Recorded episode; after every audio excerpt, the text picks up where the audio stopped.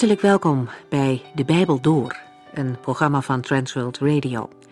De Bijbel Door is een radioserie die u in vijf jaar meeneemt door de hele Bijbel. Van Genesis 1 tot Openbaring 22.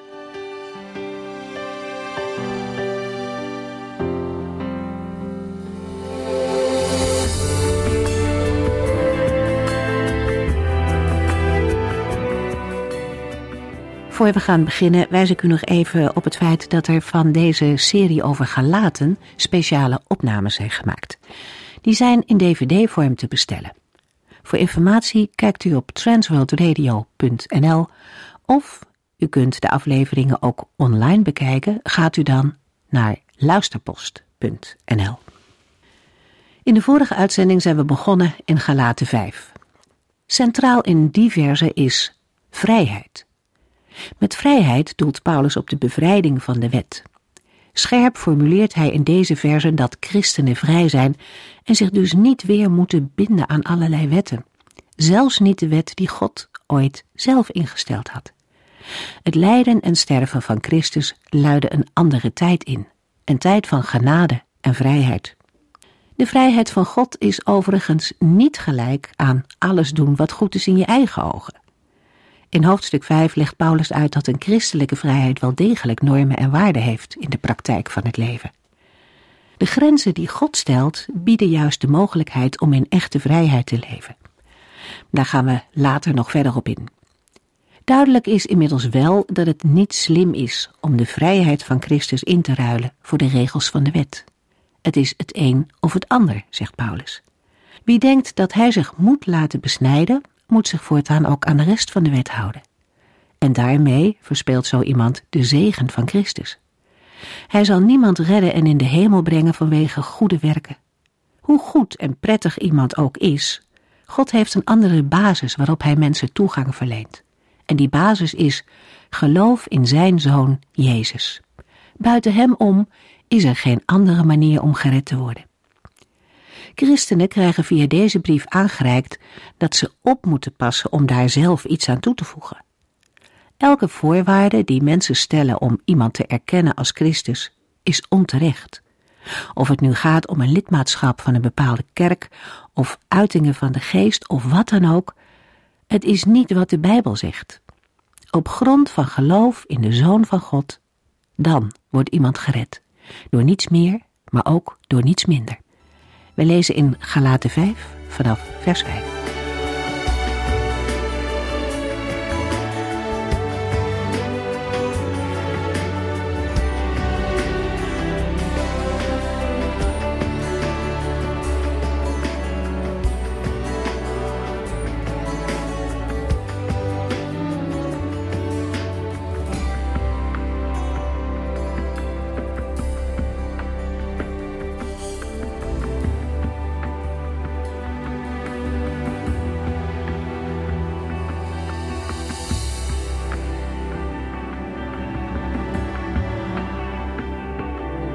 In de vorige uitzending hebben we gelezen hoe de apostel Paulus de onderbouwing geeft van zijn scherpe afwijzing van de eis tot besnijdenis.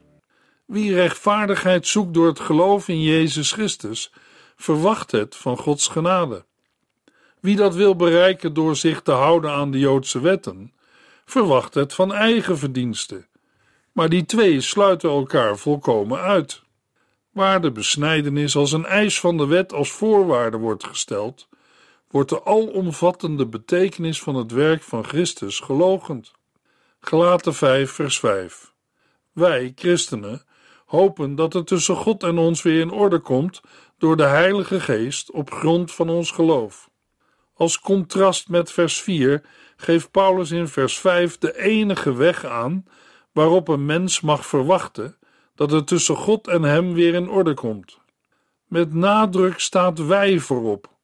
Wie ziet hoe Paulus en de andere gelovigen de hoop verkrijgen, zal begrijpen dat de Joodse dwaalleraren valse hoop geven.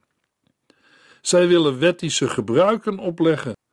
Paulus geeft twee nadere bepalingen waarop de rechtvaardigheid voor God wordt verkregen. De bepalingen verwijzen naar de kernboodschap van de vorige hoofdstukken. Door de Heilige Geest wil God zijn belofte schenken en vervullen. De Heilige Geest legt de relatie tussen Christus en de gelovigen en werkt in hen het nieuwe leven. Dat wat de Heilige Geest schenkt en wil werken, wordt door de gelovigen gekend en ontvangen op grond van geloof. Door deze twee bepalingen wordt iedere verdienste van de kant van mensen uitgesloten. Rechtvaardiging blijkt helemaal een gave van God te zijn. De Heere wil zijn rechtvaardigend oordeel nu al laten gelden voor ieder die door de Heilige Geest en door middel van het geloof in Jezus Christus is. Tegelijk ligt in deze vrijspraak van de Heere de grond van onze hoop. In de visie van de Joodse dwaalleraren blijft de toekomst van de gelovigen onzeker, omdat die voor een deel ook afhangt van eigen prestaties. De christelijke hoop is gegrond in wat de Heere zelf heeft gezegd.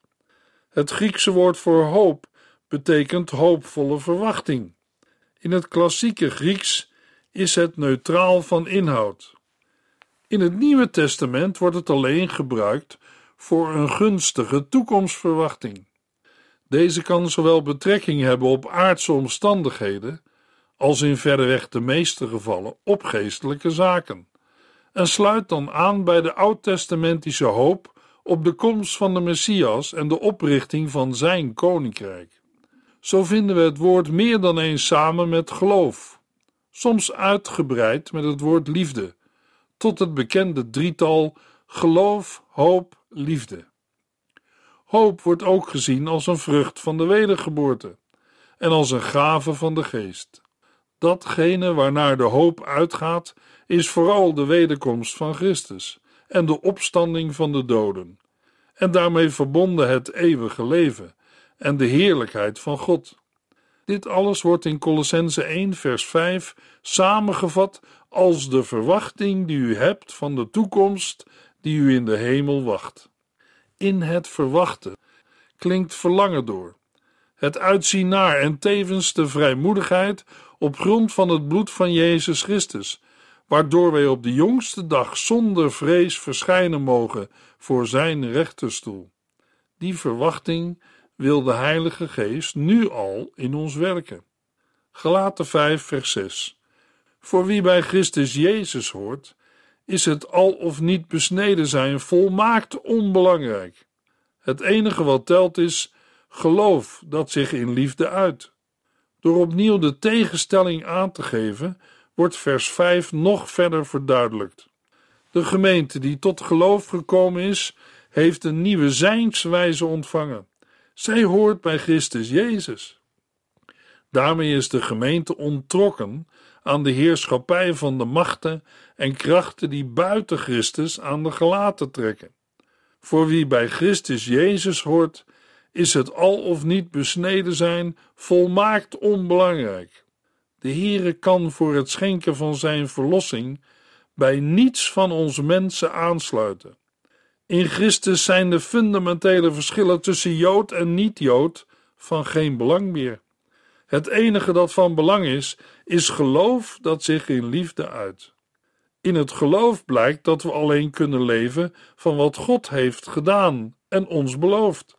Wij mensen kunnen daar niets aan bijdragen. Met de woorden geloof dat zich in liefde uit, benadrukt Paulus tegelijk dat de gelovige niet passief kan blijven. Want als het geloof geen vrucht draagt, kan er zelfs van echt geloof geen sprake zijn.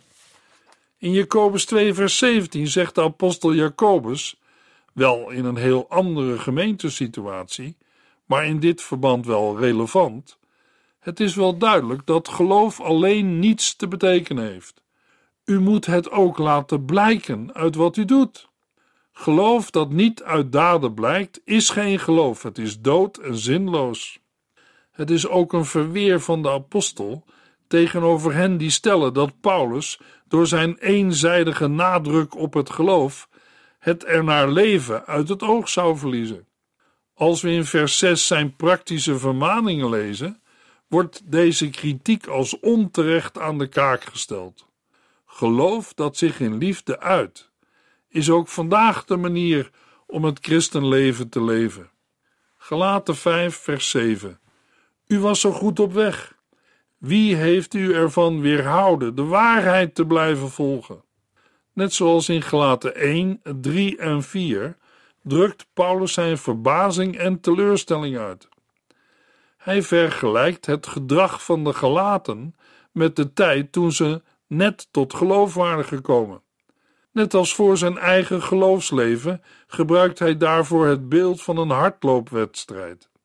Tegenover de Galaten benadrukt de apostel nu niet de inspanning die een dergelijke wedstrijd vraagt, maar het goede begin. De Galaten bleven in de wedstrijd en waren goed op weg. Daarom vraagt de apostel: Wie heeft u ervan weerhouden de waarheid te blijven volgen? Paulus weet dat het de Joodse dwaalleraar zijn, maar wil met zijn vraag de gelaten aan het denken zetten. In vers 8 zegt Paulus: Wie het in elk geval niet is. De gelaten moeten de waarheid van het evangelie blijven volgen. Het evangelie in zijn ware consequenties. Gelaten 5 vers 8 God in elk geval niet, want hij heeft u geroepen om vrij te zijn. Dat de gelaten niet meer gehoorzamen, komt uit een andere bron voort dan van de Heere die hen riep. Paulus heeft in het voorgaande laten zien dat de gelaten niet bij de roepstem van de Heere kunnen blijven en tegelijk luisteren naar de eisen van de dwaalleraren. Achter de oproep van de dwaalleraren ligt de betovering waar de apostel al over sprak in Galaten 3 vers 1. Het weerhouden in de vraag uit vers 7, wie heeft u ervan weerhouden de waarheid te blijven volgen, gebruikt Paulus in 1 Thessalonicense 2 vers 18 voor de Satan. Satan heeft de apostel weerhouden of met andere woorden tegengehouden om de Thessalonicense te bezoeken. Dat is inderdaad typerend voor het werk van de tegenstander van God. Satan probeert op alle mogelijke wijze de goede loop van het evangelie, het gelovig luisteren van de gemeente naar Gods woord, in de weg te staan. De gelaten moeten goed beseffen wat ze doen, als ze gehoor geven aan de eisen van de dwaalleraren. In dat geval is het niet zo dat in de plaats van de stem van Paulus die van een andere gezant van God komt te staan, zoals ze waarschijnlijk van mening zijn. Nee, toegeven aan de dwaalleraren is hetzelfde als je leven opnieuw onder de heerschappij van de wet te stellen. En betekent niet luisteren naar de Here. Het staat gelijk met luisteren naar een ander evangelie, en dat is geen evangelie. Dat andere evangelie komt niet van Christus, maar uit een andere bron. Gelaten 5 vers 9. En u weet dat een klein beetje zuurdeeg het hele deeg al zuur maakt. Vers 9 is waarschijnlijk een voor die tijd bekend spreekwoord. Paulus citeert het ook in 1 Corinthiërs 5 vers 6. Het gaat in 1 Corinthiërs 5 over zedeloosheid in de gemeente. In dat verband zegt de apostel: Weet u niet dat door een klein beetje gist het hele deeg gaat gisten? Het is een beeld uit het leven van elke dag. De Heer Jezus gebruikt het beeld als een gelijkenis over het koninkrijk van de hemelen in Matthäus 13, vers 33. Zuur deeg was deeg wat zuur was geworden en kon dan dienen als gist. Zoals een klein beetje gist een heel deeg zuur kan maken, zo is een klein beetje toegeven aan de Joodse dwaalleer voldoende om het hele evangelie te doorzuren, dat wil zeggen te veranderen in het tegendeel. Want als de rechtvaardiging, ook al is het maar voor een klein beetje, van ons mensen afhankelijk is, dan is het niet meer uit geloof en is de genade van de Heere van haar kracht beroofd. Paulus had het al geschreven in Gelaten 2 vers 21. Wat God in zijn genade heeft gedaan, wil ik niet onderschatten. Want als wij het met God in orde konden maken door de Joodse wet te houden, zou Christus voor niets gestorven zijn. We kunnen bij een klein beetje zuurdeeg aan een klein groepje dwaalleraren denken. De bepaalde persoon uit gelaten 1 vers 7 die de hele gemeente tot andere gedachten, tot afval proberen te brengen. We kunnen ook aan de schijnbaar kleine eis van de besnijdenis denken. Als er aan wordt toegegeven als een voorwaarde voor niet-Joden om te delen in het heil van Christus, dan wordt in feite de waarheid van het evangelie gelogend. Het beeld wijst duidelijk het gevaar aan. Het wil de nadruk leggen bij het feit dat de zaak niet als een onbetekenend detail kan worden afgedaan. Het is geen toevallige voorkeur van een aantal gemeenteleden. Het is te vergelijken met de waarschuwing van de Heer Jezus in Matthäus 16, vers 6, waar we lezen: Pas op voor de gist van de Fariseeën en Sadduceeën. En in vers 11: Waarom denken jullie dan dat ik het zojuist over brood had? Ik waarschuwde jullie voor de gist van de Fariseeën en Sadduceeën. Gelaten 5, vers 10. Ik vertrouw erop dat uw band met de Heere zo sterk is dat u niet zult afwijken van wat ik u heb geleerd. Maar wie onder u onrust heeft gebracht, krijgt zijn verdiende loon, wie het ook is. Vers 11 lijkt in tegenstelling te staan met de vorige verse. Paulus geeft zijn overtuiging weer. Hij vertrouwt erop dat de band van de gelaten met de Heere zo sterk is dat zij niet zullen afwijken. In wezen stelt de apostel in vers 10 het tegenovergestelde van zijn zorg en twijfel in Galaten 4 vers 20. Daarbij gaat het hier niet om een menselijke overtuiging, maar Paulus spreekt zijn vertrouwen uit in de Heere. De apostel is ervan overtuigd dat de Heere zelf zijn gemeente in stand houdt. Ongeveer dezelfde woorden gebruikt Paulus in 2 Thessalonicense 3 vers 4. De Heere geeft ons de overtuiging dat u altijd zult doen wat wij u zeggen. De bedoeling van de voorgaande verse is niet zozeer de gelaten tot een andere mening of overtuiging te brengen, maar de apostel wil duidelijk maken dat de overtuiging die door de gelaten en hem wordt gedeeld, zich niet laat verenigen met het houden van wettische regels. Tegenover de dwaalleraar is Paulus heel beslist. Maar wie onder u onrust heeft gebracht, krijgt zijn verdiende loon, wie het ook is. De straf, het oordeel over zulke mensen is duidelijk. In Titus 3, vers 10 schrijft Paulus: Als iemand verdeeldheid onder jullie zaait, moet je hem één, zo nodig twee keer waarschuwen. Als hij niet wilt luisteren, moet je niet meer met hem omgaan.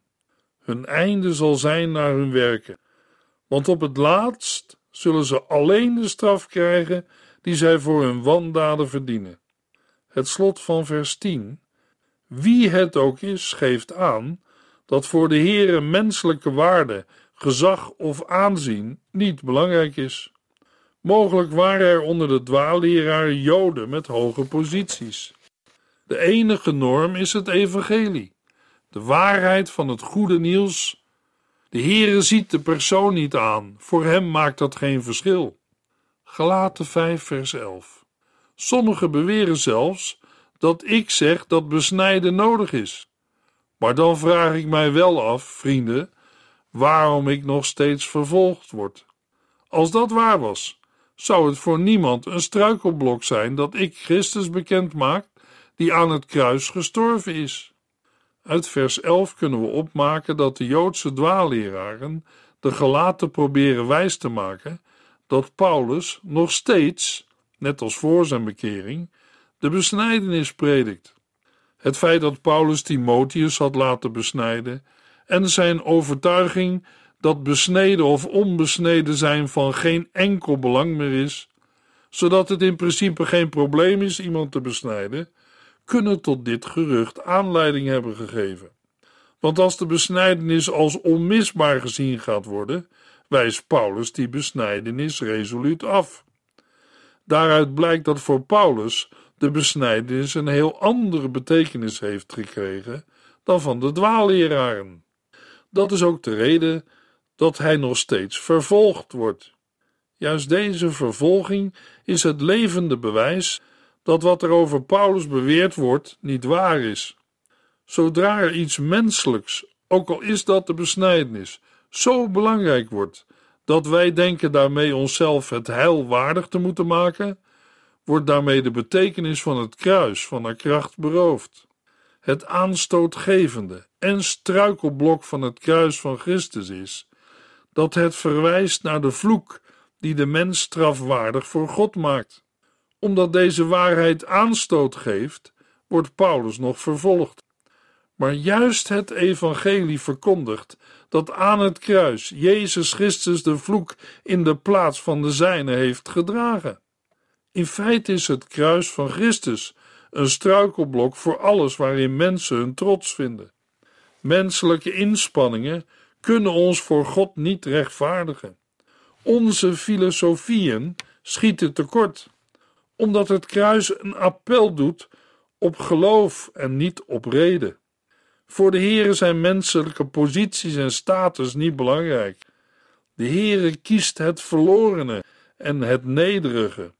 Het kruis van Christus is een struikelblok voor de menselijke wil, omdat het oproept tot onvoorwaardelijke overgave. Ons zondige mensenhart maakt dat wij opnieuw geboren moeten worden. Gelaten 5, vers 12. Laten die onruststokers zichzelf maar castreren. Het woord castreren komen we in de culturele omgeving van de gelaten tegen, in teksten die heidense rieten beschrijven. Daarin staat hoe heidense priesters zich in een toestand van extase zelf castreerden. Een handeling die hen een sacrale waardigheid voor de godheid verschafte. De vergelijking daarmee past goed in onze context. Wie zich laat besnijden staat op één lijn met deze heidenen. Net als vroeger bij de sacrale zelfcastratie dachten de gelaten die de besnijdenis als eis stelden dat de besnijdenis een voor God welgevallige daad was. Het is duidelijk dat dit haak staat op het evangelie van de genade. Gelaten 5 vers 13 Broeders en zusters, God heeft u niet de vrijheid gegeven om te misbruiken en uw eigen zin te doen, maar om elkaar te dienen in een geest van liefde. Na het verzet tegen de dwaalleer en de vermaning aan de gemeente volgt nu vanaf vers 13 een positieve en praktische uiteenzetting van het nieuwe leven door de Heilige Geest. Daarvoor sluit Paulus nauw aan bij het voorgaande gedeelte waarin de vrijheid in Christus tegenover de slavernij onder de wet is gesteld. De vrijheid die Christus de gelovigen heeft gegeven en waarin hij hen heeft overgezet, moet niet worden prijsgegeven. De Heere wil de gemeente in de echte vrijheid houden. Die vrijheid is niet gegeven om te misbruiken en uw eigen zin te doen, maar om elkaar te dienen in een geest van liefde. De gelovigen moeten daarom luisteren naar de roepstem van de Heer. De vrijheid die Christus aan de gelovigen heeft gegeven, wordt niet alleen bedreigd door wettische eisen, maar ook door bandeloosheid. Die vrijheid kan een legitimering worden voor pure zelfzucht. Dan wordt precies het tegendeel bereikt van wat het doel was. De woorden eigenzin zijn een korte typering van het leven dat in zelfhandhaving zijn eigen weg wil bepalen. Daartegenover stelt Paulus dat we het doel van Christus vrijkoping voor ogen moeten houden, elkaar te dienen in een geest van liefde. Deze dienst staat niet tegenover, maar in volkomen harmonie met de vrijheid waarin we door Gods genade mogen staan. Gelovigen dienen de Here omdat ze Hem liefhebben. De Heer Jezus zei tegen zijn discipelen: Wie van mij houdt, zal altijd volgens mijn geboden leven. De basis van gehoorzaamheid is een liefdesrelatie met God. De wet uit het Oude Testament kon nooit tot die positie brengen. Gelaten 5, vers 14. De hele wet is immers samengevat in dit ene gebod: Heb uw naaste net zo lief als uzelf.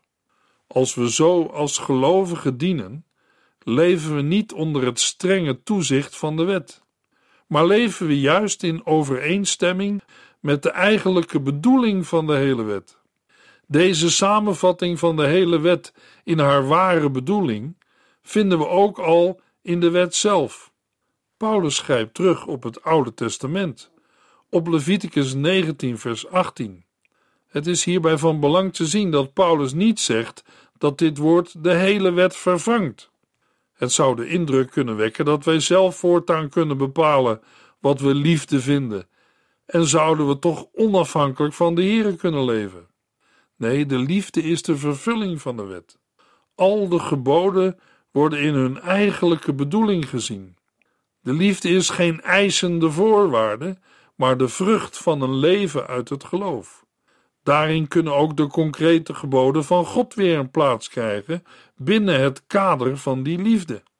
In de tijd van de Heer Jezus was er discussie over of de naaste nu alleen de volksgenoot was, of dat het gebod liefde vroeg tegenover alle mensen. Jezus haalt deze vraag uit zijn theoretische context in de gelijkenis van de barmhartige Samaritaan, door de vraagstelling om te draaien. Lucas 10, vers 36. Wie van deze drie was de medemens, naaste, van het slachtoffer van de roofoverval? Voor wie kan ik als medemens en naaste iets betekenen?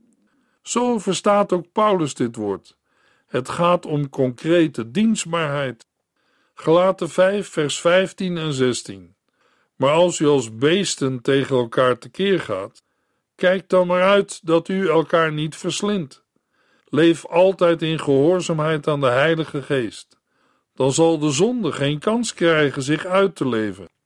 In scherp contrast met het elkaar dienen, de dienstbaarheid in een geest van liefde, staat de waarschuwing van Paulus in vers 15.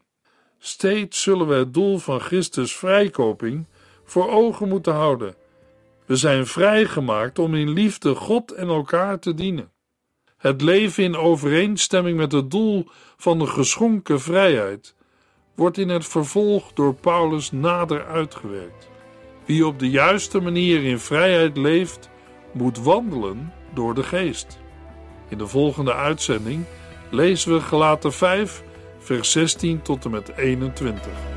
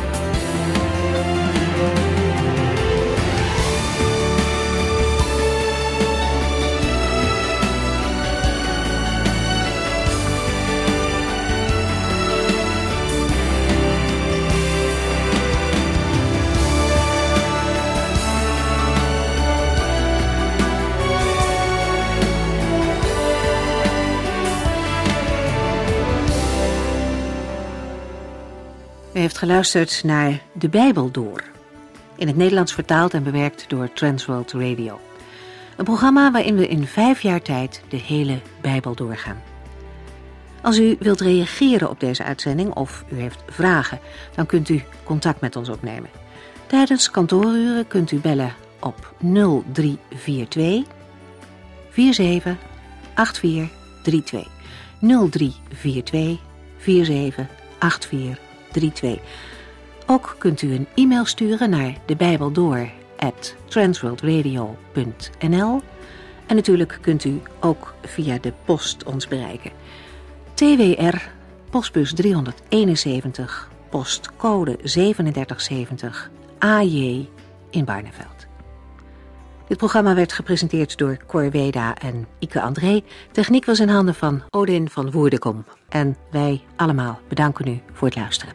Graag tot de volgende keer.